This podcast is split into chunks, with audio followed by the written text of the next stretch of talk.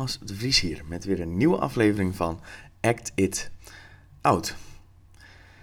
Authenticiteit, dat is waar het uh, vandaag over gaat. Dat is iets waar ik de afgelopen tijd over nadenk. Bijvoorbeeld, wat is dat eigenlijk, authenticiteit? Is dat gewoon jezelf zijn, wat jezelf dan ook vredesnaam inhouden? Of is dat gewoon doen waar je zin in hebt en je niks aantrekken van anderen? Of is het totaal iets anders en hoe herken je het? En hoe proberen bedrijven bijvoorbeeld authentiek te zijn?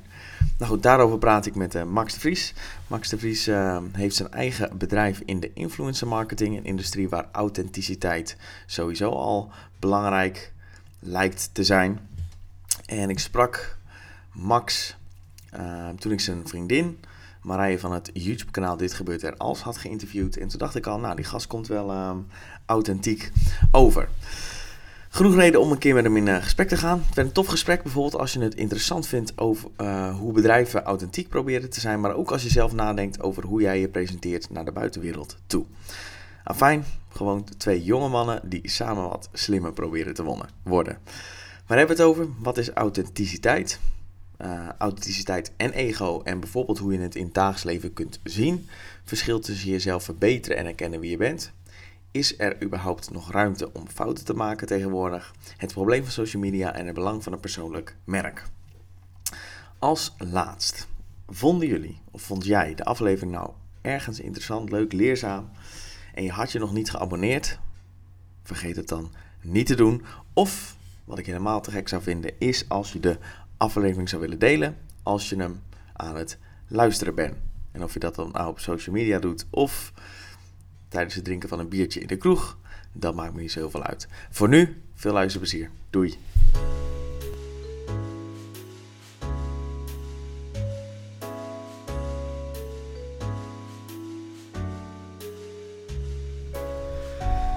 Zo, Max. Zitten we dan? Hoe, hoe vind je zelf dat het gaat? Ja, het gaat echt te gek. Ja, ja. Er zijn weer slecht nieuws voor je. Niet goed? Nee. We gaan ermee ophouden. Nou, dat was het dan. Uh, Max de Vries, dames en heren. Nou, prima. Ja, toch? Mag je weer de regen in? Ja. Ik weet niet of je daar uh, heel veel zin in hebt. Ja, precies. Laten we in ieder geval dat maar even uitzingen. Ja. Um, authenticiteit was een van de onderwerpen waar ik ja. uh, met je over wilde ouwe hoeren vandaag. En ik wilde je sowieso interviewen, omdat ik heb ooit je vriendin, je vriendin geïnterviewd. Vrouw, vriendin vrouw, vriendin. En toen... Uh, nou, die mijn rekeningen betaald. ja, okay. ja. ja, prima. Um, en toen nou, hadden, we ook nog, hadden we ook nog even contact. Toen dacht ik, nou, we hebben wel veel overeenkomsten. Ik wil je sowieso wel een keer horen. En je komt over als iemand authentieks. En ik weet ook dat je um, werkzaam bent in de marketing, in de branding. En daar is sowieso authenticiteit een woord dat veel gebruikt wordt. En er zo belangrijk is. Dus ik dacht, nou, dat is een mooi onderwerp om eens een keer uh, wat dieper op in te gaan. Ja zat ik gisteren na te denken over de eerste vraag die ik wilde stellen als het gaat om authenticiteit. Maar ik denk dat het belangrijk is om te beginnen bij het begin. Vind je jezelf authentiek? Ik weet, ik weet niet of er een. ik weet niet of een authentiek antwoord is op deze vraag. Want het gaat natuurlijk eerst terug naar wat betekent authenticiteit. Okay. Uh, we hadden het net ook al even kort over. Juist vanuit de achtergrond van ons werk. We zitten al bij marketing, branding, reclame en communicatie dat woord wordt mee gesmeten, mee gegooid. En ik weet ondertussen, ik zit nu 20 jaar in deze business, ik weet niet meer wat het betekent. Nee. Als iemand zegt van dit is super authentiek. Uh, we hebben natuurlijk gemeenschappelijke vriend Jelmer de Boer, die ik zelf altijd wel als, als, als misschien de meest authentieke persoon die ik ken zie, maar ook in, in zijn eigen nadeel soms. En dat vindt hij zelf ook prima en dat vind ik wel mooi. Vind ik echt gewoon. Ik denk dat het ergens, ik heb de officiële definitie niet, ik denk dat het ergens zit in. Um, niet eens doen wat je wil doen, maar ook gewoon bewust zijn van wat je doet en de gevolgen van wat je doet. En soms dan ook dingen niet doen terwijl je ze eigenlijk wil, maar gewoon omdat het beter is dan niet te doen. Want ik denk niet dat dat lomp door, want dit wil ik, dat dat puur authentiek is. Um, ik denk dat er, dat er soms authenticiteit wordt verward met een soort bord voor je kop hebben. Mm -hmm. Van ja, maar volledig doen wat je en zegt. Ik doe dus altijd dit. Ja. Dat slaat nergens op. Nee. Dat is niet hoe mensen werken, dat is niet hoe interactie werkt. Um, volgens mij zit het in eerder bewustzijn van, van wat je zou willen zijn of wie je denkt dat je zou willen zijn. Want niemand is wie die precies is, lijkt mij. Mm -hmm. En mensen die dat zeggen liegen, denk ik. Dat is niet authentiek. Ik ben precies wie ik wil zijn. Dat kan niet. Geloof, als je oprecht Mm, Eh, ik ben niet precies zoals ik wil zijn.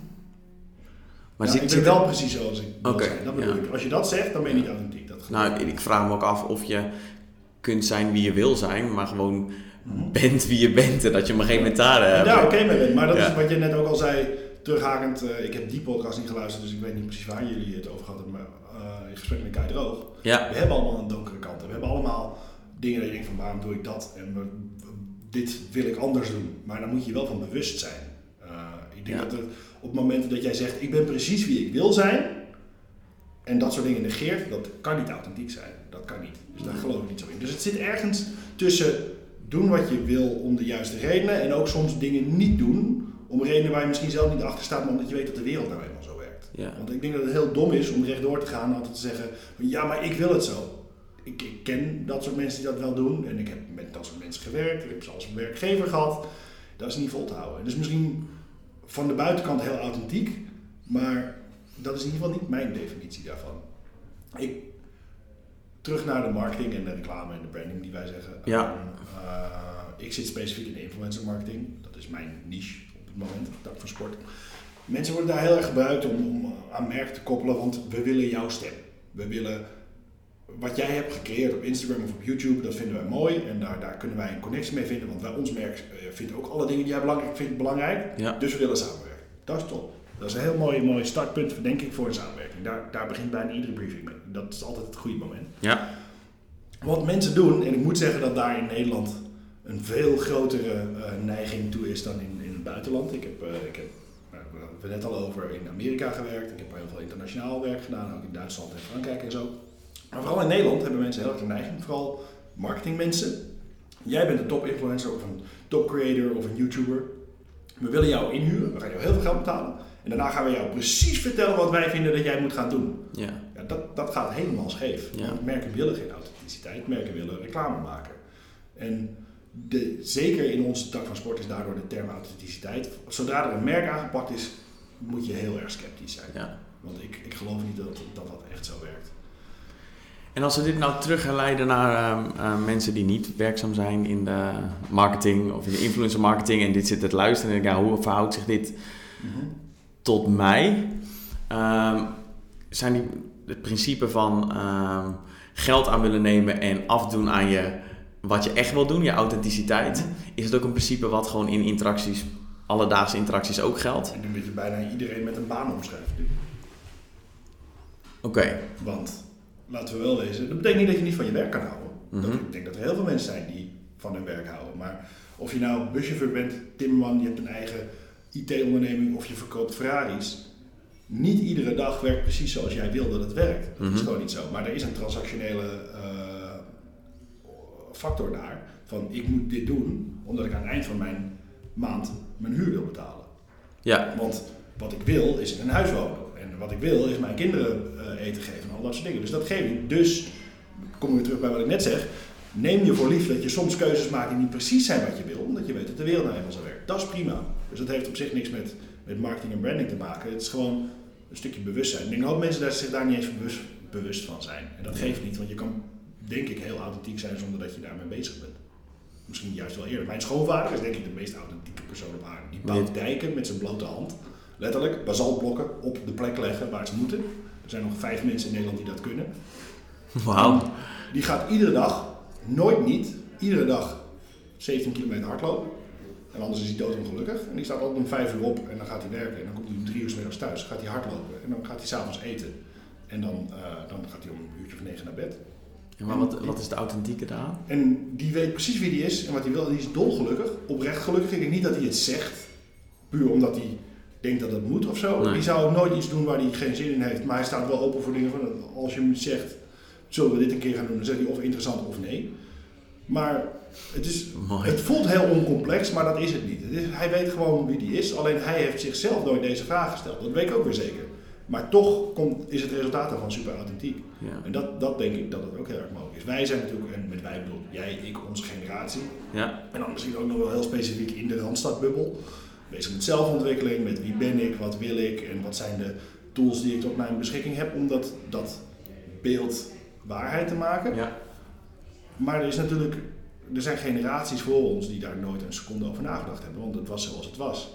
En daarin zie ik een hele erge tweesplitsing van mensen die doodongelukkig zijn omdat het is zoals het is. En mensen die echt hun weg gevonden hebben, gewoon omdat ze keuzes maken die bij ze passen. Misschien niet eens heel bewust, maar ze zijn wel geworden wie ze willen worden.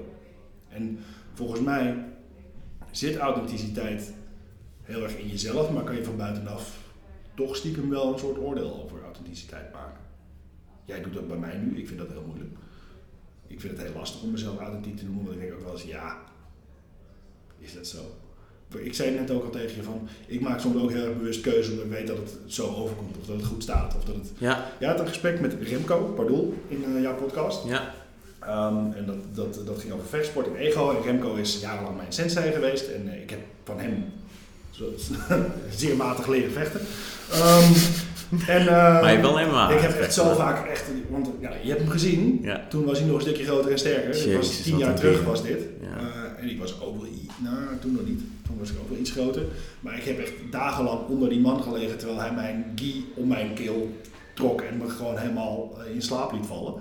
Dat waren hele zware dagen, want hij is ook een hele sadistische trainer. Echt met knokkels in je keel en zo. Dat is echt... Niet lullen, maar Kijk, poetsen. dit mag dus niet, maar dit doet wel zeer. Ja, ik merk het. Echt, dat, dat was een beetje mijn, mijn, mijn uh, leerschool bij Remco. Um, maar um, ik ben mijn tweede vast even kwijt. Ja, de, hoe de authenticiteit. Je vindt jezelf authentiek en toen kwam je op MMA. Oh ja.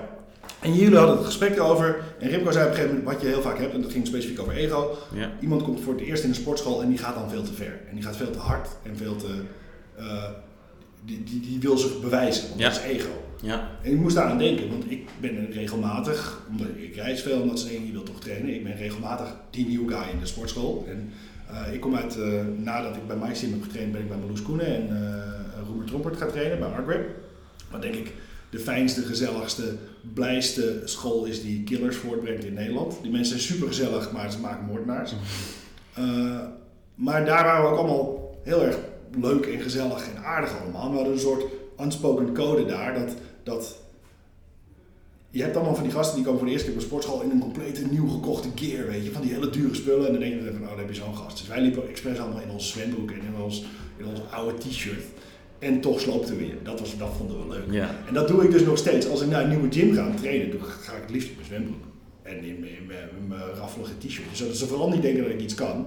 Maar dat is wel een ego-ding, stiekem. Want ik doe dat juist zodat ze denken, oh, hij kan toch wat. Ja. Weet je, want je, je verlaagt de drempel, zodat je het makkelijker goed kan Ja. doen. Ja. En is dat authentiek? Het lijkt heel authentiek, want ja, dat is die gast Ja, altijd je met gewoon- ja, Kijk, hij, probeert zich juist Op die niet in een, ja. in dure kleding te hijsen en te laten zien dat hij snapt hoe die merken werken. Ja. Maar als je een stap, dus voor iedereen aan de buitenkant, hè, net zoals jij of mij zegt, lijkt dat super authentiek. Want Max komt gewoon in zijn, in zijn zwembroek te trainen. Maar eigenlijk heb ik erover nagedacht en is dat dan authentiek? Ik vind, ik vind die hele term e- extreem complex. Ik zeg net, maar oh, je Ja, ziet dat nee, ja, maar ik- interessant. En,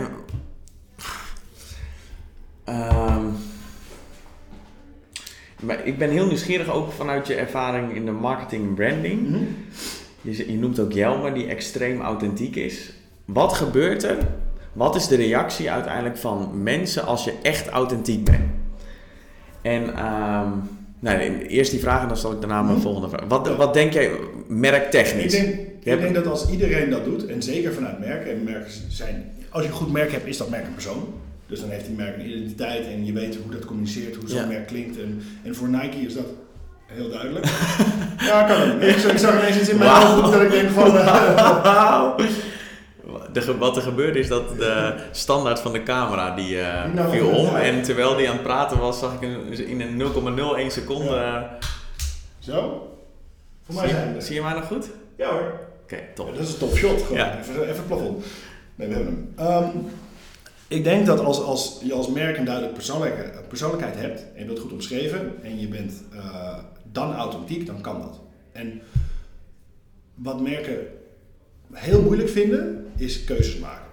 Hè, strategie is kiezen. Dus dat betekent dat als je dit bent, ben je dat niet. Ja. Dus dan ben je voor deze mensen, maar niet voor die mensen. Ja. Maar ja, ik, ik wil niet hier gaan zitten haten op de marketeer in Nederland, maar er zijn heel veel die durven dat gewoon niet. Ja. Want ja, ja, dan zijn we voor al die mensen. Maar die mensen, ja, daar ga je niet aan verkopen. Ja. Focus je op een doelgroep waar je een groot percentage kan raken. en focus je daar echt op. Dat betekent dat je daar niet voor kiest, dat is prima. Maar dat, dat, dat, die super logische denkstap waarbij iedereen die hier naar luistert denkt, ja, dat, dat is toch logisch. Ja, dat, Dat gebeurt niet in, Nee, nee. in de meetings. Dat gebeurt niet op het moment dat er communicatiecampagnes gedaan moeten worden. Een paar voorbeelden. Vorig jaar heeft Nike met die Colin Kaepernick campagne eh, hele hoge. Colin Kaepernick is ja, die, eh, die NFL-speler. Ja, die, een donkere die NFL-speler. op zijn, iedere keer bij het, eh, ehm, het volkslied, wat ze voor iedere NFL-wedstrijd, Amerika voetbalwedstrijd eh, spelen, ging hij, in plaats van dat hij zijn hand op zijn borst legde, ging hij knielen omdat hij een ander support wilde maken. Hij was niet voor deze regering, hij was niet voor waar het volkslied op dit moment voor staat. En hij wilde daar een, een, een compleet Ja. peaceful protest van Ja. maken. Hij wilde gewoon een punt maken. Hij denkt, ik heb een platform, ik vind het belangrijk dat ik dit doe. Ja. Die man is de NFL uitgejaagd, die zit nu zonder baan. En hij is, ehm, nou de NFL heeft zich daarin best wel extreem blank en behoorlijk racistisch getoond. Van wij, wij, eh, het volkslied is te gek en iedereen die iets anders vindt, die is een idioot. Ehm, en Nike heeft zich vorig jaar achter hem geschaakt. En, en We Are With Colin. En die hebben een hele campagne daar gedaan. Want dit is bullshit dat deze jongen niet op deze super vriendelijke, logische, respectvolle wijze zijn punt mag maken. Het gevolg daarvan is aan de ene kant dat een groot gedeelte van de Amerikaanse Nike-consumenten extreem boos waren dat Nike zich zo achter deze idioten die het volkslied durft te, te, te schanden eh, schaart. Dus er zijn kledingverbrandingen geweest, er zijn mensen zijn die tot Nike boycotts opgeroepen hebben, al dat soort dingen. Ja. Dat, dat weet je van tevoren dat het gebeuren. Aan de andere kant, die eerste twee maanden na die actie waren de webshopverkopen van Nike 166% omhoog Ja, gegaan. ik, ik weet de cijfers, ja. Want Ja. weet je, be on the good side of history. Ja. Dat is gewoon hoe dat werkt. Ja. Als we het iets recenter zoeken, Gillette heeft vorige maand die The Best Man Can Be campagne eh, gelanceerd. Ik weet niet of je die gezien hebt. Nee. Eh, waarin ze eigenlijk hun eigen. Ze gaan daar best wel hard in op MeToo. En op de moderne man en hoe dat dan werkt. Ze beginnen met hun eigen campagnes van vroeger, waarin mannen sexy waren en vooral scheerden om vrouwen te versieren. Op best wel een platte jaren 90 manier. Maar daar, die zet ze is, dit kan niet meer. En hun hele campagne gaat over, laten we onze jongens opleiden tot betere mannen. Dat is een keiharde keuze. Er is enorme discussies geweest. En, en heel veel mensen hebben gezegd, ja godverdomme, ik mag geen man meer zijn van Gillette. Dat is niet wat ze zeggen, totaal niet. Maar dat is hoe het op een gedeelte van die doelgroep over gaat komen. Ja. Maar iemand bij Gillette is dapper genoeg geweest om te zeggen: ja, maar we maken een keuze daarvoor en niet daarvoor. En dat is authentiek. Ja. Voor Gillette, voor Nike was het natuurlijker dan voor Gillette. Want Gillette Mhm. heeft jarenlang dat soort commercials gemaakt. Mhm. Ehm, voor Gillette is het nu een hele dappere stap. Het is briljant als ze dit tien jaar volhouden. Want daar zit het wel in natuurlijk. Het is heel makkelijk om nu te scoren met ja. zo'n statement en dan Ja. volgende week weer een andere commercial te maken. Ja. Ja.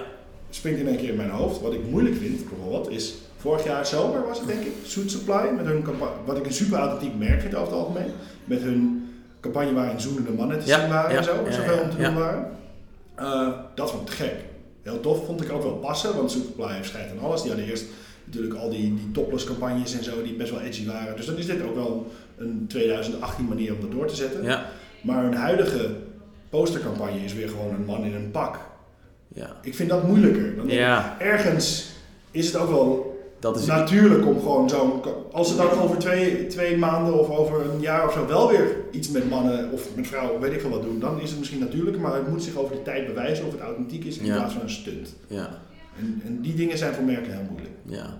Ja, dat is als, als je tegen een vriend zegt dat je heel... eh, dat je het er totaal mee eens bent, maar vervolgens niet handelt nadat je het er mee eens bent of zo. Of tegen de ene vriend A zeggen, de andere vriend B. Oké. Hoe kunnen we dit nou terugleiden naar, want ik kan me ook voorstellen dat de mensen niet in de marketing werken en Mhm. niet in branding en nu denken van ja, wat de fuck heb ik hier aan? Ja. Maar dit, dit werkt toch ook zo in, überhaupt als persoon? Het is toch ook als je ehm, een niet kleurrijk persoon bent, dan vindt iedereen je gewoon oké, maar dan ja, zijn er ook heel veel, zijn, is er niet echt iemand die zegt van nou, dat vind ik nou echt, echt een te gekke persoon. Ja, nou ja, de, ik spreek wel altijd in, in, in, in marketing bullshit. Dus dan, dan kom je terug op het alles of niche eh, concept.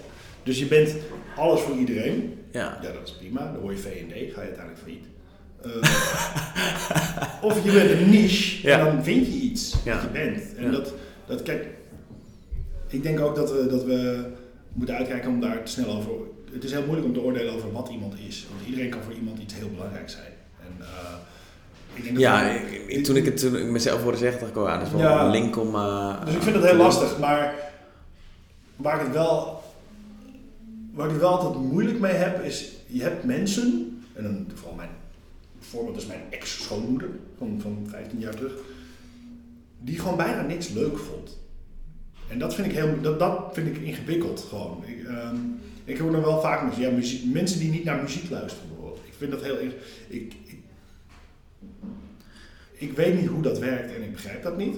En dan heb ik het idee van, je moet natuurlijk helemaal niks. Dat sowieso. Dus niet authentiek als je het gevoel hebt dat je iets moet. Maar dan heb ik ook het idee dat je zelf nooit de moeite hebt genomen om te kijken, wat, wie ben ik nou eigenlijk? Wat vind ik nou? En, en ik begrijp ook dat het iets van nu is om daarmee bezig te zijn. Maar er is natuurlijk wel een soort basisniveau karaktervorming waar je, waar je eigenlijk aan zou moeten willen voldoen om gewoon een persoon te worden. En whatever die persoon dan wordt, dat ben je, dat is oké. Maar daar helemaal nooit een seconde over nadenken, omdat je gewoon in de paden wordt geleid die de maatschappij voor je gemaakt heeft.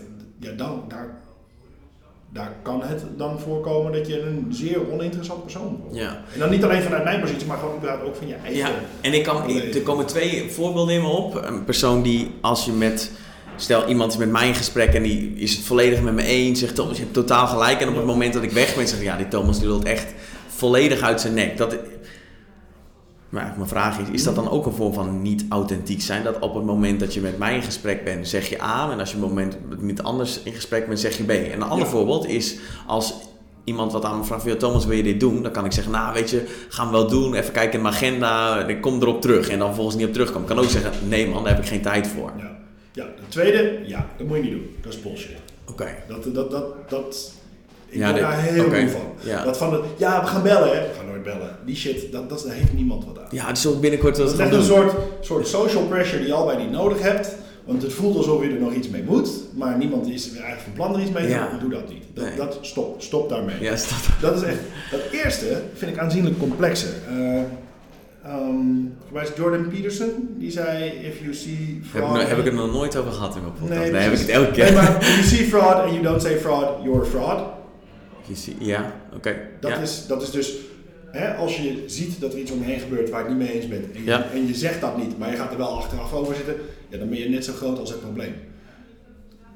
Ik ben het daar wel mee eens, dat is wel waar. Maar dan gaan we weer terug naar waar ik over begon.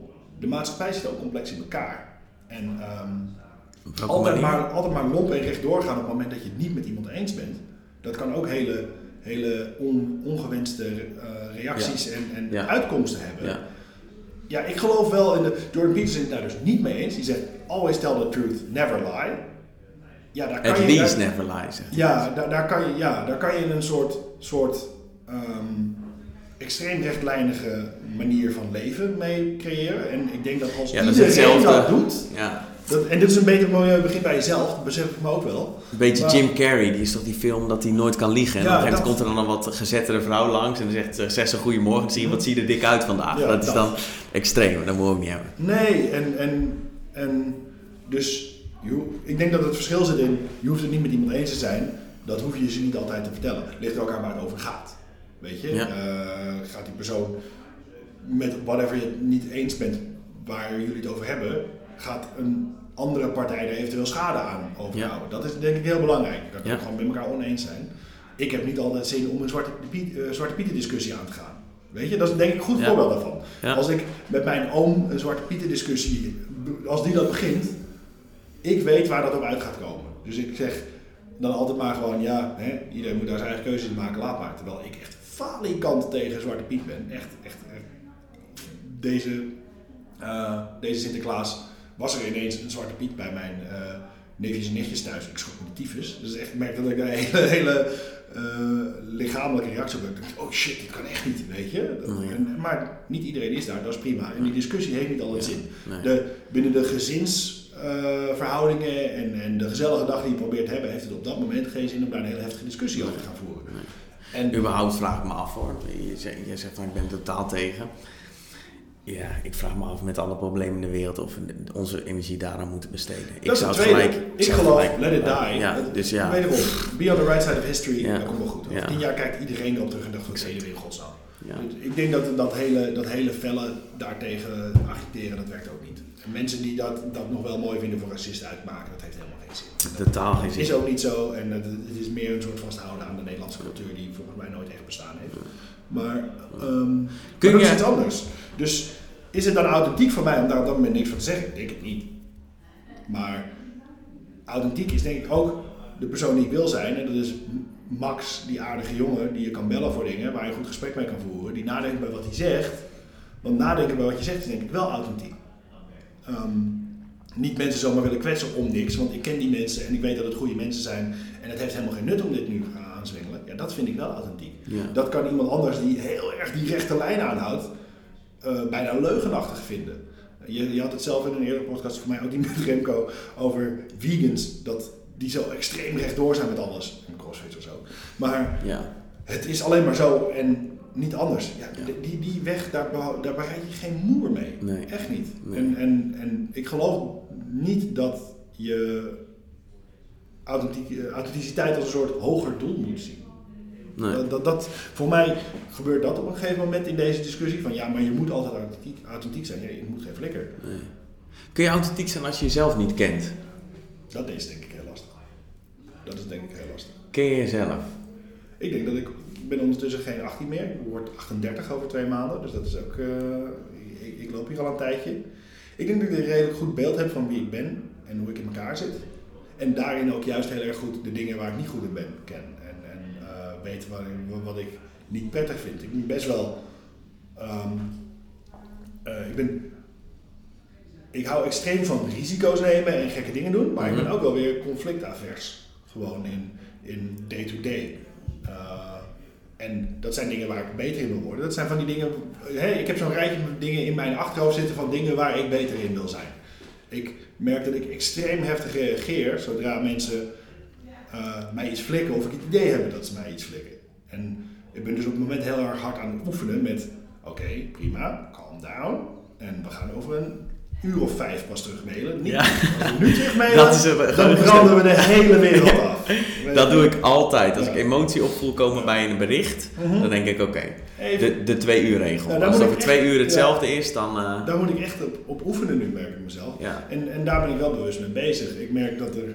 ehm, ik ben heel erg van de grote plannen en de grote ideeën en de lange halen gauw thuis. Ik kan echt overzicht in grote dingen, maar details ben ik verschrikkelijk slecht in. En zo slecht dat ik zelfs merk soms dat ik, ehm, als ik echt op de 400 mm dingen moet doen, dat ik ze gewoon uitstel en, en gewoon niet doe of zo. En dat ik soms dingen minder goed maak dan Ja. dat ik ze zou kunnen maken. Gewoon omdat, misschien is dat faalangst, dat weet ik niet eens zelfs. Maar ik, ik heb wel een goed idee van waar, waar mijn, eh, als ik een soort, soort spinnenwebdiagram van Max de Vries zijn, skills moet maken, dan weet ik wel redelijk hoe ik dat moet invullen, denk ik. En maakt dat überhaupt niet authentieker dan? Als je gewoon weet, ja, op een gegeven moment... Dit is nou eenmaal wat ik wel, waar ik wel goed in ben, waar ik niet goed in ben. Wanneer ik wel emotioneel word, wanneer ik niet emotioneel word. Daarmee oké zijn en dat ook uit kunnen en durven en willen dragen, maakt dat überhaupt niet authentieker. Ik, En- geloof, ik geloof hem wel. Ik denk dat het, dat het dat moet. Wat we net aan het begin zeiden. Iemand die zegt ik ben perfect en ik ben precies wat ik wil zijn, die geloof ik niet. Dat kan niet. Dus ik denk dat dat goed is. Ik denk ook niet dat je dat altijd op je tong hoeft mee te dragen en altijd mee, mee vooruit hoeft te lopen.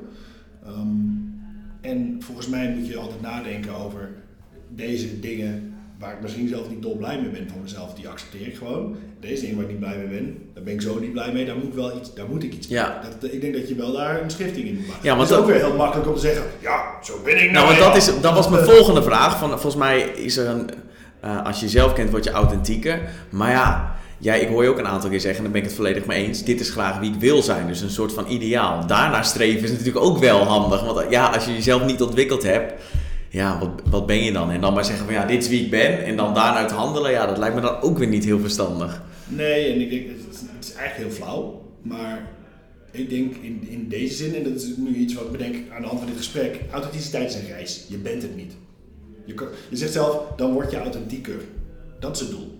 Gewoon kijken of je authentieker kan worden.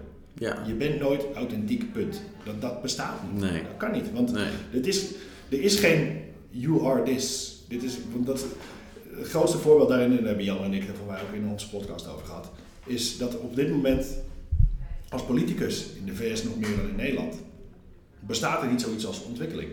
Er bestaat niet zoiets als in, oh wacht, ik doe dit nu een tijdje, ik word ouder, ik leer dingen en we zijn zes jaar verder. Ik weet dat ik dat toen geroepen heb, maar eigenlijk, als ik er even goed over nadenk, vind Ja. ik nu iets heel anders over dat Ja. standpunt, want ik heb dingen geleerd. Ja, waar is het leren? Ik, ik hoorde Maar laatst dat het is dan voorbeeld. draaien. Nee, dat is ontwikkelen. Dat Ja, is leren. ja. Dat is iets wat we hopen dat mensen... Je hoopt juist dat mensen in zulke Ja. posities dat doen. Maar omdat die discussie in dat vlak zo enorm versimpeld moet worden... omdat mensen anders niet mee kunnen komen... Eh, wordt dat als draaien weggezet in plaats van ontwikkeling. En dat, dat, dat zijn vlakken waar dus authenticiteit echt tegengewerkt wordt. Ja. Ik, ik hoorde laatst het voorbeeld van Kevin Hart, die 15 jaar geleden een keer een tweet heeft, eh, eruit heeft gegooid. Een, een anti- een, nou een homofobe opmerking. En die was uitgenodigd om de Oscars te presenteren, wat volgens mij voor een comediant is echt het hoogst Ja. haalbare. En omdat hij 15 jaar geleden een één homofobe tweet had geplaatst, Ja. mag hij dus die Oscars, mocht hij de Oscars niet presenteren. Toen dacht ik, ja. Hij zei van ja, in een interview, ik heb 15 jaar later, ik heb zoveel geleerd. Kijk wat ik allemaal doe de afgelopen jaren voor allemaal verschillende soorten bevolkingsgroepen. En ik, ja, het was dom, het was jeugdigheid, het was onbezonnenheid. En ik denk, ja, waar is dan de... Dus ik ben, ik ben daar wel mee, ik ben daar wel mee ik, ik, en zeker, zeker die shit. Eh, Mensen worden zo afgerekend op, op dingen die in een tijdsbeeld zo anders waren. Ga nu eens naar Raw van Eddie Murphy kijken, wat gezien wordt als een van de grootste, eh, grootste achievements in, in stand-up comedy. Dit shit kan echt niet meer in, in, in, in 2018. Het is inderdaad allemaal homofobisch, het is racistisch, het is lomp. Het is, Ja. die het, het is eh, tegen vrouwen niet heel erg vriendelijk. Maar laten we dat dan in ieder geval in plaats van veroordelen. Ik, ik heb Eddie Murphy niet heel recent gesproken, dus ik weet niet precies waar hij is met zijn hoofd. Maar ik ga er ergens een beetje vanuit dat hij dat nu ook anders zou doen. De Nutty Professor is niet hetzelfde als Raw. En ehm, mensen mogen groeien. Want je kan niet verwachten dat puur omdat hij bekend was, dat hij oneindig veel verder was dan de hele rest van de wereld. op Ja, en foutloos. Ja, van Ja. wie verwachten we nou dat hij foutloos Ja, is? precies.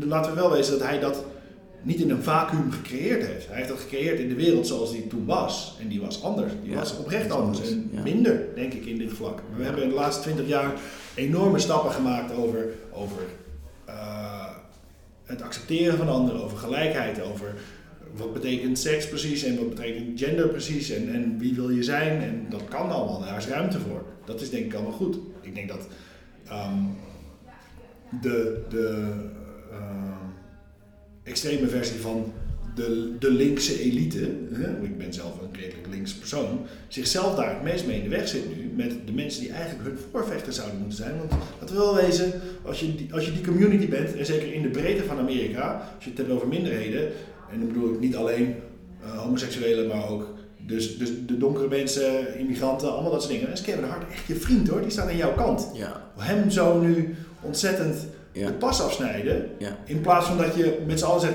hey grap, zeg even dat je dat niet oké vindt Ja. en ga dat even op. Heb je echt oprecht... in plaats van eh, dat je dat zegt van, hey Kevin Hart, kun je niet even op die Oscar zeggen dat die shit niet cool was. Dat is vet, want dan geef je hem een podium. Ik weet namelijk zeker dat hij dat oprecht vindt. ja, En ik denk dat je dat, dat nou, da- daar gaat het ook heel erg in die, in die humorpodcast waar ik het met Jan over heb over, dat woorden worden echt als een soort wapen gebruikt tegenwoordig. Jij hebt ooit dit gezegd, dit vind jij, jij identificeert, dit is nu jouw identiteit. Jij bent die homofobe comedian.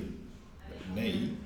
Heb je de eerste plaat van Eminem wel eens gehoord? Dat kan echt niet meer. Maar Eminem, de wat? die eerste plaat van Eminem, de Slim Oh, Shady LP. nee. Misschien wel de grootste, de, een van, een van mijn favoriete hip-hop platen ooit. De dingen die daarop zegt, die kunnen Kunnen gewoon niet kunnen niet, En nee. ondertussen heeft Eminem zich wel weer ontwikkeld tot iemand die anti-Trump raps aan het maken is. En die Ja. samen met zijn vrienden daarmee bezig Ja. is, weet je. En het is die toch des te verder. bewonderingswaardig. hè? Dat, daar houden we toch ook van. Iemand die helemaal in de goot zat en eruit klimt. Dus waarom is dat in één dat keer... soort dingen. Ja, En, en, en ik, ik denk dat we ontwikkeling moeten vieren in plaats van dat we fouten uit het verleden moeten, moeten meenemen Ja. naar nu. Ik denk dat dat echt een, een, een probleem is. Want het grappige is, als je dan naar rechts kijkt alsof dat een soort persoon is of zo, daar gebeurt dat veel minder. Weet je, die, die zijn veel meer georganiseerd en die weten veel beter een boodschap de wereld in te slingeren. Omdat zij stappen over dat soort dingen heen. En zijn veel meer bezig met het nu, want dat is veel makkelijker. Ja. Ja, en en ik, ik denk dat het goed is dat we proberen de wereld een beetje de kant op te sturen naar respect voor iedereen en whatever je vindt moet kunnen. Maar whatever je vindt moet kunnen. Dus dat betekent dat ook als iemand het niet bij mij eens is, Dat het ook oké is, ja. Dus laten we het erover hebben. Ja. Ik heb, ehm, ik denk vier maanden geleden of zo, heb ik een keer ehm, truffels gebruikt. Niet die met slagroom. Nee, niet Nee. met slagroom, nee. En eh, nou, dat was oké. eh, maar waarom ik di- dit verhaal vertel, is dat op een gegeven moment... Toen zat ik op mijn ehm, telefoon, Mhm. vraag me niet waarom, toen zat ik mijn Instagram te kijken. En toen zat ik naar die teksten te kijken. En ik, waarom zeg je dat? Waarom zeg je dat zo? De, dit zou ik echt, in het echt zou ik het nooit zeggen. Nu zou ik het nooit zeggen. Wat maakte dat je dat toen wel zo zei? Mijn vraag is, hoe verhoudt authenticiteit zich tot social media en de manier waarop we ons daarop profileren? Ja. Ehm, ik denk dat, dat, dat social media de reden is dat het woord authenticiteit op het moment zoveel gebruikt wordt, omdat het zo onduidelijk geworden is daardoor. Wie, wie, wie, is, wie zijn die mensen? Instagram is daar het beste voorbeeld van. Instagram is je fotoboek dat je aan de wereld wil laten zien en dingen Ja. waar je trots op bent. Of in mijn geval slechte grappen die je bedacht hebt. Ehm, Die overigens hilarisch zijn. en, soms. Ehm, en, en daar is een business omheen gegroeid. En die business heeft gewoon de, de authenticiteit uit dat medium gedrukt. En zo gaat het altijd. Jij zei zelf al van, ik- jij zit al sinds 2011 op Instagram, ik dan. Ja. En dat klopt. Mijn eerste foto was een foto van mijn oude telefoon.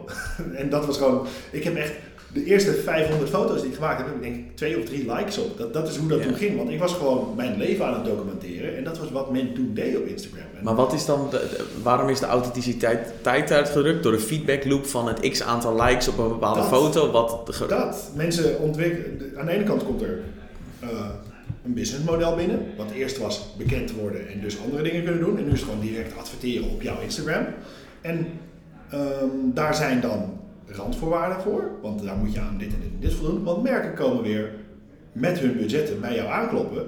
En die willen jouw authenticiteit kopen. Maar die willen dat punt van je authenticiteit en dat punt van je authenticiteit. En deze shit die vergeten we. Weet je? En dan gebeuren hilarische dingen en, en hele schrijnende dingen. En, en nou ja, het, het ultieme voorbeeld waar dat soort dingen misgaan is. Ik, ik ken Anna Noushi niet persoonlijk, voor mij is het echt een schat van meid, fantastisch. Maar iedereen Anna- oh, denkt, denkt ja. altijd aan, als het over authenticiteit en, en, en draaien en, en de verkeerde dingen op Instagram doen, aan haar actie met Shell van vorig jaar. Een foto in de badpak met Shell had een, had een, een of andere plastic fles en zij ging poseren met die plastic fles, want Shell ging de wereld redden met hun, met hun recyclebare plastic fles. Ja, dat, dat, dat werkt niet. Dat gaat niet. En dat weet iedereen. En dat, dat weet ze zelf ook vast wel. Maar dat is nu een soort schoolvoorbeeld van, van gekke dingen die op Instagram gebeuren. En er wordt een soort wereld gecreëerd Ja. die niet echt is. En, en omdat jij voor de rest, als je een Anushin bent, of gewoon iemand die vlogt en veel met, met veel volgers bezig is en veel content de wereld ingooit. Mensen hebben ondertussen echt wel een beeld van wie je wel ongeveer bent en hoe je Ja. in elkaar zit. Want je kan niet iedere seconde van jouw dag tweaken en tunen. En dan valt zoiets gewoon op. En, Ja. En daarin zie je precies wat ik net vertel. Ehm, merken willen gewoon een gedeelte van jou kopen. En niet jouw persoon. Want, want dan is het ja, plastic fles, krijg ik veel geld voor, eh, doe er iets mee. Ja, dat, dat, dat, dat wil niemand. Nee. Ehm, en in de discussies die ik heel veel hoor met, met, met influencers en mensen die, die bezig zijn eh, met Instagram, het is allemaal, ja, dit werkt niet. En je moet op die dag posten. En ja, je moet wel zorgen dat je helemaal te zien bent, want als ze je voeten niet zien, dan scheelt dat 10% in je likes. En mensen zijn gewoon bezig met het algoritme, hè, het grote ene woord van hoe werkt een foto op Instagram, hoe moet je het doen, te bespelen om maar maximaal resultaat te hebben. Want resultaat is wat telt. Niet, dit is het verhaal wat ik wil vertellen, vind ik lachen. En ik hoop dat die mensen het zien. Als duizend mensen het zien, is het, goed, is het tof. En uiteindelijk, op de lange termijn, geloof ik dat dat werkt. Gewoon je verhaal vertellen. Maar het is ook niet zo gek. Er is een enorme potentie om, om rijk te worden op Instagram. Hè. Iedereen kent het verhaal van Negin Mersaleh, die, eh, die Oh ja. begonnen is met het algoritme bespelen door mensen te gaan liken en dat soort dingen. En die is nu een van de grootste influencers op aarde. En die heeft een, heeft een eigen merk waar ze miljoenen per jaar mee omzet. Vanuit nul, vanuit Instagram, zelf opgebouwd. Daar spiegelen mensen zich aan.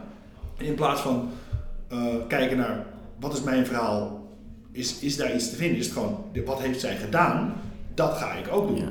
En, en Alleen de factor zoals de eerste is, die geldt niet meer. Dus Nee, precies. Dus dan is het wat werkt nu. En mensen zijn alleen maar bezig met wat werkt. Dat ga ik doen.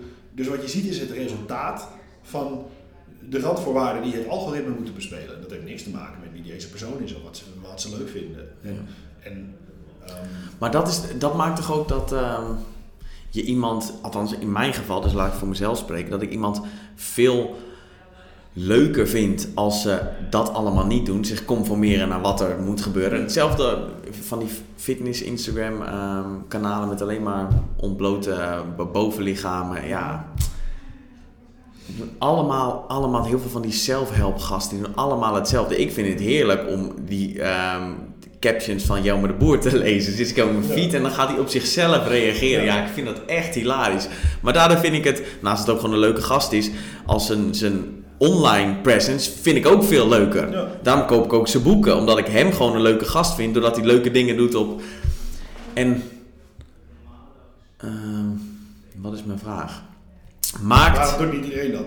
Is het misschien... Ja, goede vraag. Waarom doet niet iedereen Nou, ik dat? denk dat er twee werelden zijn. Ik denk dat, dat wij als volwassen mannen andere interesses hebben dan de hordes aan kids op Instagram. Daar moet je niet, Hmm. moet je niet onderschatten. Eh, de, de, de Calvijns, de, de, de, ook de Ananoushits en de, de, de grote YouTubers en Instagrammers, die hebben gewoon echt wel een doelgroep die allemaal 16 en jonger is.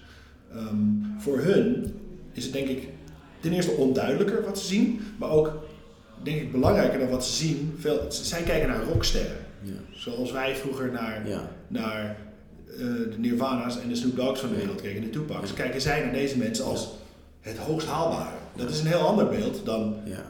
Jelmer die we kennen en grappen maken en leuk vinden. Dat is echt vanuit een hele andere positie. Dus het is ook, en daar, in die massa van kids, daar zit het bereik.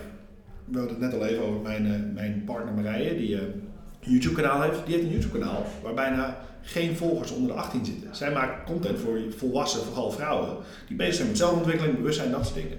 Daar zit er gewoon een soort cap of een soort, soort plafond aan, hoeveel, er, hoeveel volgers je op Instagram en, en, en eh, YouTube kan bereiken. Want kids van 16 vinden dat niet zo interessant. En daar haal je de massa. Je haalt geen 2 miljoen volgers op YouTube Nee. met, met serieuze content in Nederland. En dat zijn keuzes die je moet Ja. maken. Ehm, Wat, eh, sorry, wil- wilde je nog wat? ja, en dus denk ik dat als jij ervoor kiest om massa te bereiken en groot te worden, dan moet je de tools gaan toepassen om die massa te gaan bereiken. En eh, dit gesprek wat wij nu hebben over deze inhoud en content, die zouden we bij ieder groot merk in de, in de marketingafdeling moeten gaan voeren. Want een hoop mensen zien dat er gewoon niet eens voor wat ze is. Ze kijken wel, wat is je bereik, wat zijn je volgers, en wat is hun leeftijd, en wat is je conversie, en je engagement, allemaal dat soort dingen. Dat zijn cijfers, maar die betekenen niks zonder deze context.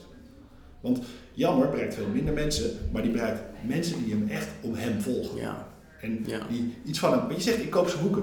ja. Dat is wat je bereikt. Ehm, Ja, dit is een, eh, een blog van eh, Kevin Kelly, 1000 True Fans. Dat gaat hierover dat je hebt maar duizend echte fans nodig die alles van je kopen. En dan kun je je geld ermee verdienen en dan kun je de rest van je leven een prima Precies leven dat. leiden. Gewoon duizend echte fans. En die bereik je door jezelf te zijn. Ja, Maar ja, eh, nou ja, je, je ziet dat ook. Wederom op Instagram. Mensen die 4 miljoen volgers hebben, die halen nog steeds 200.000 likes op een foto. Een enorm aantal likes is dat. Dat is echt fucking veel. ja. Maar percentagegewijs stelt het geen flikker voor.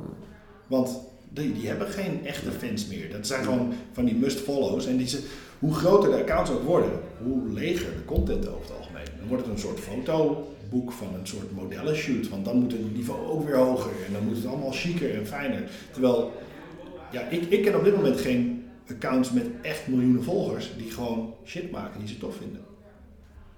Gewoon Joe Rogan? ja, oké, maar die volgen mensen. Ja, dat is een heel goed voorbeeld. Maar de- wederom, de- de- Joe Rogan is een soort Jan de Joe Rogan de is de, die heeft de grootste eh, podcast geloof ik. Ja, maar die is de Jan de Boer voor de hele wereld. Weet je, als je gewoon een oprechte gast die geïnteresseerd is in de wereld wil volgen, eh, in het Engels, scheelt ook lekker, Ja. dan kunnen ook mensen. We gaan het zo nog Rogan. over podcast hebben. Dus, eh, Ja, dus Dat, dat, dat, eh, dat is denk ik een goed voorbeeld daarvan. Ja. Maar ik, ja, ik denk dan automatisch, je hebt een paar hele grote modemeiden, je hebt een paar hele grote YouTubers met grote Instagram-accounts. En allemaal wat daar gebeurt is gestileerd en in scène gezet, want dat moet voor die fans moet dat er op een bepaalde manier uitzien en voor die merken. Je krijgt daar weinig meer van mee van wie die mensen zijn. En Joe Rogan maakt foto's van zijn hond en van zijn eten. Het ziet er niet uit. Het ziet er Ja. niet uit. Maar dat vind ik altijd zo lachen. Ik, toen ik nog een eigen bedrijfje had, werd Instagram ook in één keer belangrijk. Want ik moest op Instagram en dan moest ik... iedereen adviseerde me ook om prachtige foto's te maken. Ja, in helemaal in een goede feed. Die, die helemaal. Ik, ik dacht van, waar heb, ik zit op hier op een Instagram te kijken van een gast die doet gewoon foto's van de domste dingen. Die heeft gewoon. Mhm. Maar goed, dat is ook weer dat conformeren aan.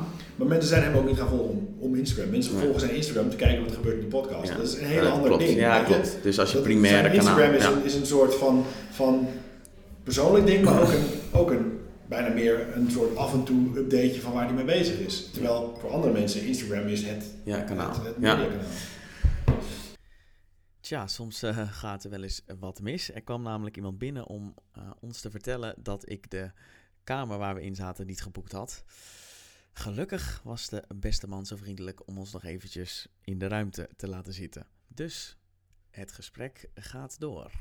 Ja. Waar ik nog, ehm, nou, waar ik nieuwsgie- nieuwsgierig naar ben, hoe belangrijk vanuit je branding, ja, vanuit branding expertise, hoe belangrijk is een persoonlijk merk voor mensen die niet hun centjes verdienen met hun merk. Dus gewoon iemand die bij een, ehm, ehm, nou ja, bij een marketingkantoor werkt en ehm, die zichzelf niet heel erg profileert op verschillende media. Hoe belangrijk is het voor die persoon? Kijk, ik zeg eerst, het eerste wat ik ga zeggen is heel belangrijk. En het tweede wat ik ga zeggen is, ik krijg echt zelf ook jeuk. Ik weet dat ik het ook ben en dat jij het ook bent en dat iedereen het is, maar ik krijg wel jeuk als ik een persoonlijk merk. En de mensen die het hardst aan moeten werken, krijgen er het meeste jeuk van. Dus dat is het moeilijke aan deze vraag. Ehm, ik ga proberen dit zo kort en zo helder mogelijk uit te leggen. Wat er gebeurt namelijk is dat iedereen heeft een beeld van jou. En alles, zeker als marketeer of persoon die werkt in een bedrijf, bijna al je interacties met mensen, zeker als het afspraken van buitenaf zijn, zijn transactioneel.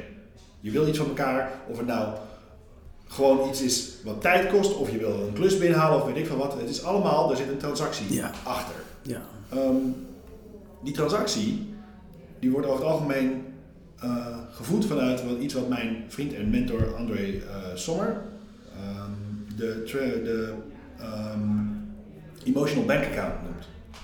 En emotional bank account gaat over hoe goed ken ik Thomas, wat vind ik van hem en vind ik dat een toffe gast, gun ik die wat en, en kan ik daarmee lachen. Die, die dingen zijn enorm belangrijk. Ik ben jarenlang account manager en director geweest in reclame.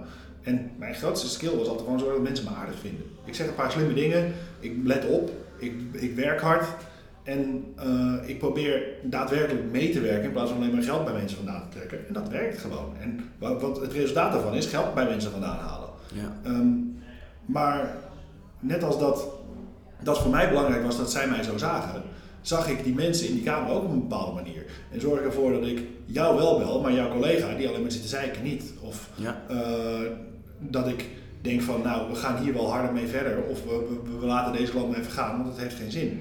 Ik denk dat het eigen merk van wat je bent, en dat is gewoon, nou ja, hoe omschrijf je iemand van buitenaf, dat dat stiekem heel belangrijk is, juist in een professionele omgeving. Ja. En zodra je het merk gaat noemen, gaan er ogen rollen en denken mensen, oh god. Maar het is, het is gewoon, je hebt maar een bepaalde tijd waarin je jezelf profileert en positioneert Ja. in zo'n gesprek. Ja. Wederom kuttermen, maar zo is het nou helemaal. Iedereen krijgt een beeld van jou. Als je een meeting hebt met tien mensen, gaat iedereen daar weg met een, me- met een mening of een beeld van iedereen. Ja. Dus hoe duidelijker jij weet wie je bent en wat je wil en wat je uit zo'n meeting wil halen, dan weet je ook welke knoppen je moet drukken om dat te bereiken.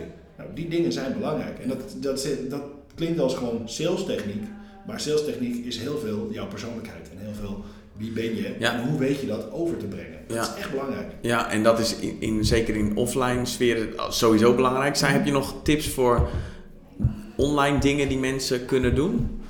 Ja, de, een typische voorbeeld is je, je foto van je LinkedIn. De- Maar zijn er misschien het Nou, delen ja. van content of je misschien wel juist je persoonlijkheid laten zien of I don't know. Regelmatig tweeten, regelmatig een, iets plaatsen op. Ik denk dat je niks moet doen wat niet natuurlijk is. Dat lijkt me, je hoeft geen account te hebben. Je hoeft niet op Twitter te zitten, je hoeft niet op Instagram te zijn. Maar dat kan ook wie zijn wie je zijn. En dat kan je nog steeds, wie je bent, dat kan je nog steeds jou een enorm interessant persoon maken. Ja. Uh, maar dan Maar zit dat- dat dus ergens anders. Ja. Interacties heb je altijd op een bepaalde manier met mensen. Ik denk dat het niet belangrijk is, als jij dat niet wil, Mhm. dat mensen van tevoren op, op internet een beeld van jou krijgen. Daar kan je heel bewust voor kiezen om dat niet te doen. En, en dan komen ze er wel achter hoe je anders bent. Als je, als je in real life een persoonlijkheid hebt. Of als je een mailtje stuurt, Ja. daar even over nadenkt. Ja. Ik Ik, had een uh, baas ooit, die stuurde mailtjes van nooit meer dan drie zinnen. En echt zulke korte zinnen. Daar deed hij anderhalf uur over. Echt deleten en weer opnieuw. En ik heb echt in, jarenlang in vliegtuigen naast hem gezeten terwijl hij dat soort dingen aan het typen was. Daar was hij urenlang mee bezig met precies de juiste vijf woorden sculpten om zijn punt over te maken. Maar zijn hele visie was, want hij was bij Vice mijn baas, Mark Chalmers. Wij communiceren met de hoogste marketingmensen in Europa. Echt de, de, directeur van Johnny Walker, van Nike en dat soort gasten. Die hebben het fucking druk. Ja. Die gaan niet, als ik zo'n mail typ, openen ze hem niet eens. Dus ik moet eerst zorgen dat ze hem gaan lezen.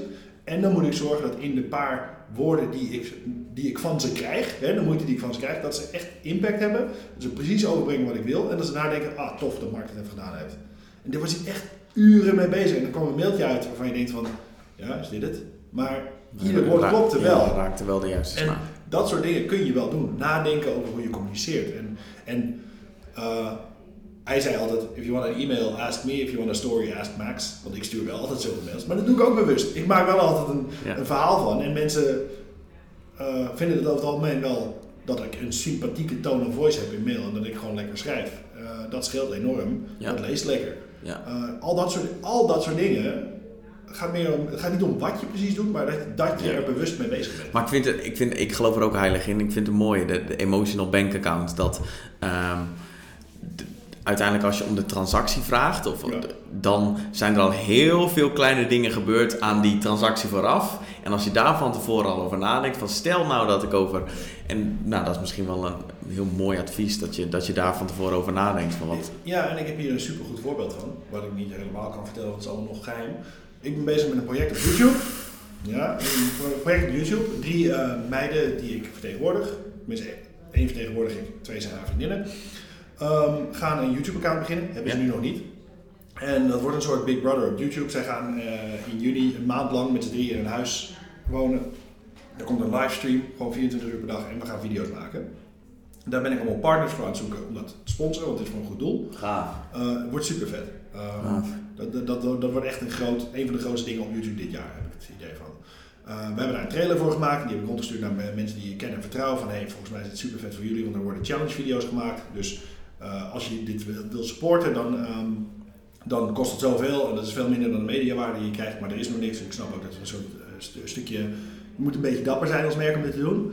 En een paar mensen zijn zo ingesprongen. En ik werd gisteren toevallig gebeld door een van mijn uh, kennissen bij een merk. Die zei van ja, weet je wij zien het eigenlijk allemaal niet zo, maar wij zijn ook niet de doelgroep. Maar we hebben het er nog eens over gehad. En eigenlijk zegt iedereen, als Max zegt dat het een goed idee is en hij gelooft er echt in, dan gunnen, dan, dan, dan gunnen we hem het voordeel van de twijfel. Dus we gaan meedoen, gewoon omdat we vertrouwen dat jij dit niet anders niet tegen ons zou uh, proberen te kopen. Ja. Nou, dat is letterlijk dat. Dat is die emotional bank account.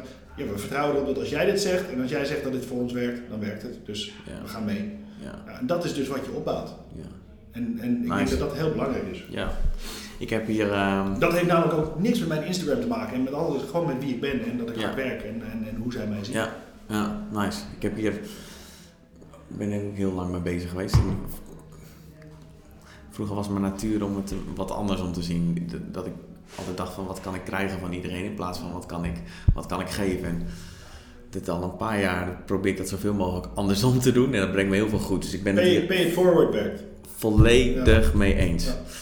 Um, laatste onderwerp. Mhm. Podcast. Toen ik um, um, je partner had geïnterviewd, hadden we daarna nog contact met elkaar. En toen hadden we het dus over podcast. En volgens mij luister je dat ook. ik, ik, ik, zat gisteren je podcast met jou te luisteren. En op een gegeven moment toen zei je Ask Jamie als grapje, omdat jullie iets op moesten zoeken. dacht ik, nou, dan luister je sowieso podcast. Want dat voor de mensen die niet. Ja, is dat ja. heel slecht. Dus Joe Rogan's sidekick, degene die alles opzoekt, heet Jamie. En hij zegt altijd: Jamie, look it up. Dus dat was de grap. Um, welke podcast zou je adviseren en waarom? Is grappig, want ik wist dat je het hierover wilde hebben. En toen schoot ik in eerste instantie in de modus van: oh, dan moet ik vet. Uh, met een diepzinnig antwoord komen. Allemaal, allemaal, allemaal gems die mensen niet kennen en dan dingen boven water halen. Toen dacht ik eigenlijk ten eerste is dat gewoon niet waar. Want ik luister Joe Rogan's podcast regelmatig als het gebeurt. En verder heb ik eigenlijk een heel klein, klein cirkeltje van dingen die ik echt veel luister. Um, waar die nogal niche zijn. Ik, ik, natuurlijk, ik luister Jammers podcast, af en toe Guy Rooks podcast. Ik luister die van jou. Uh, ik vind die podcast over media van Alexander Klupping vind ik heel leuk. Gewoon blij en gezellig en lachen. Ik vind, dat, ik vind dat echt wel, echt wel leuk. Uh, ik vind Man Man Man van Domien en Bas en uh, oh, ja. hoe heet dat? Vind ik echt leuk. Ik vind daar merk je echt in Man Man Man drie dingen dat er drie radiomakers een podcast aan het maken zijn. Het is gelipt, het is scherp, ze zijn super goed in, in op elkaar inspelen en dat soort dingen. Dat vind ik heel leuk.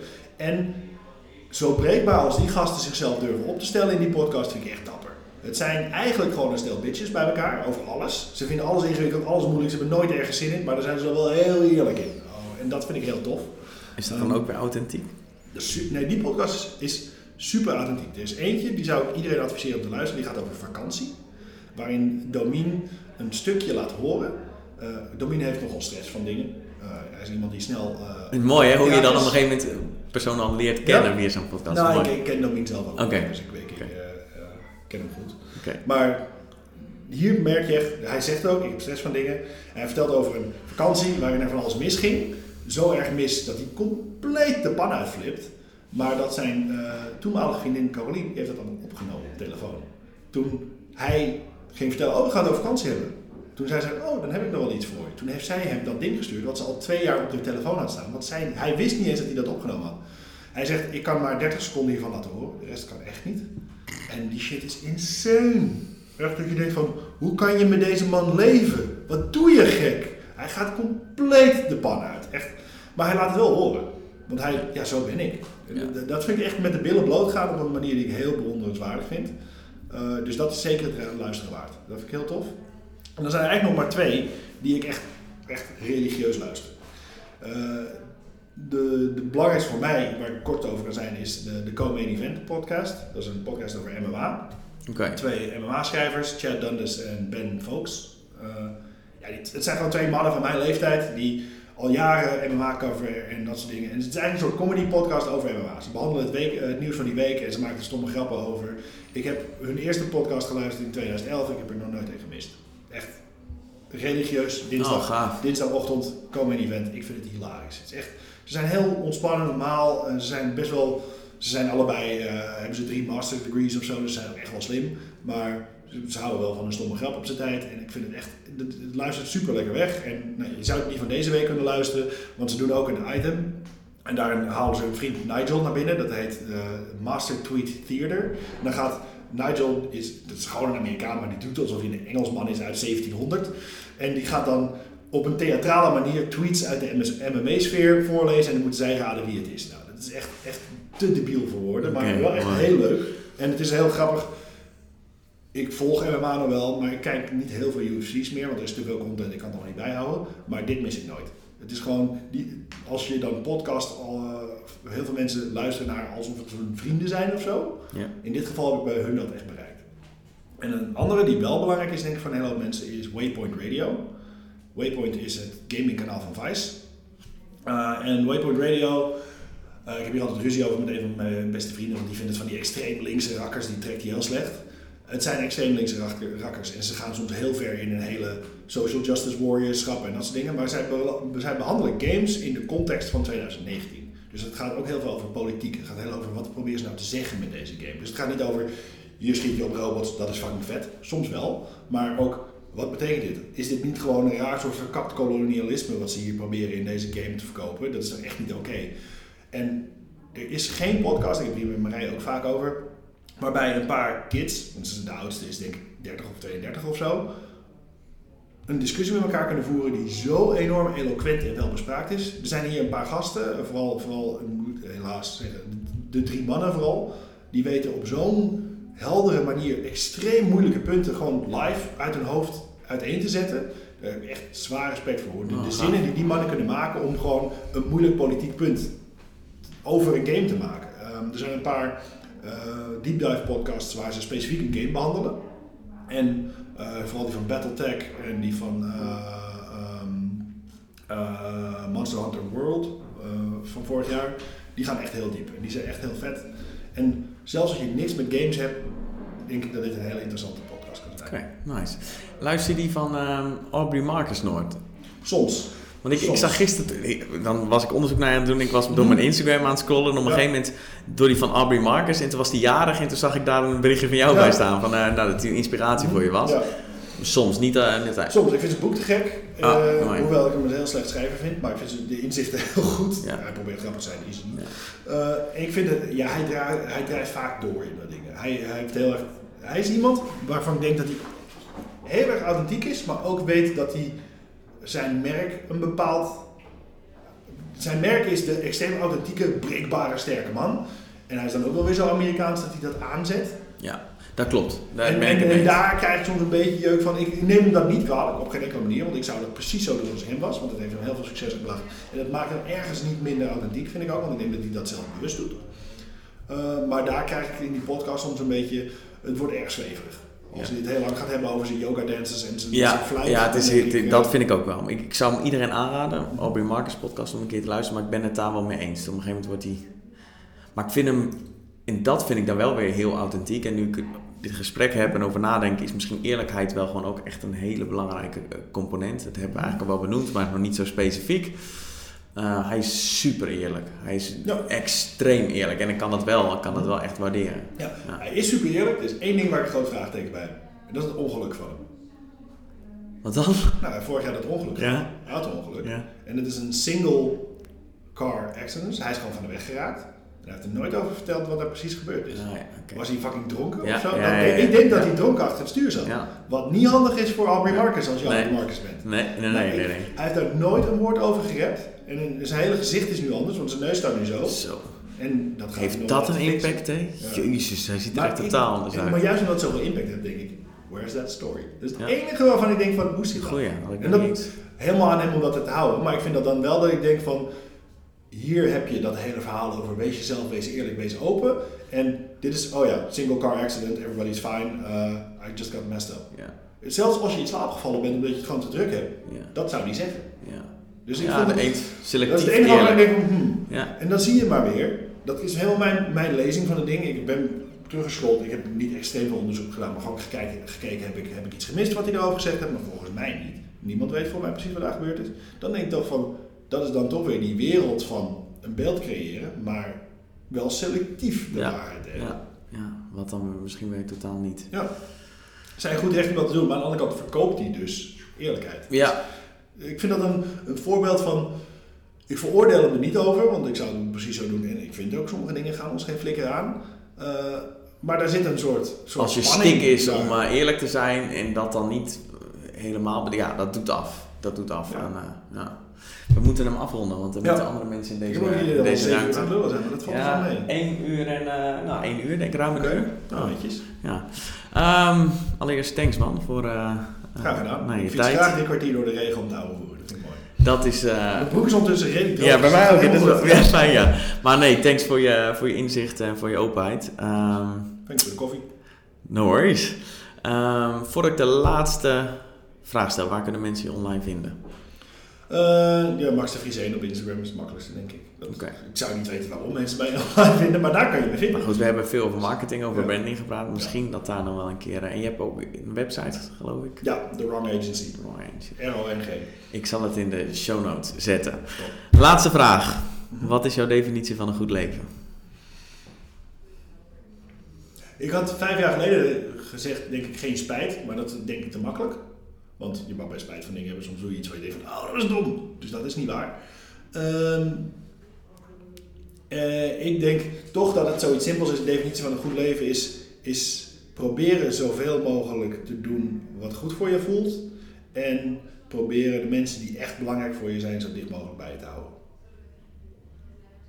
Dat denk ik. Mooi. Thanks man.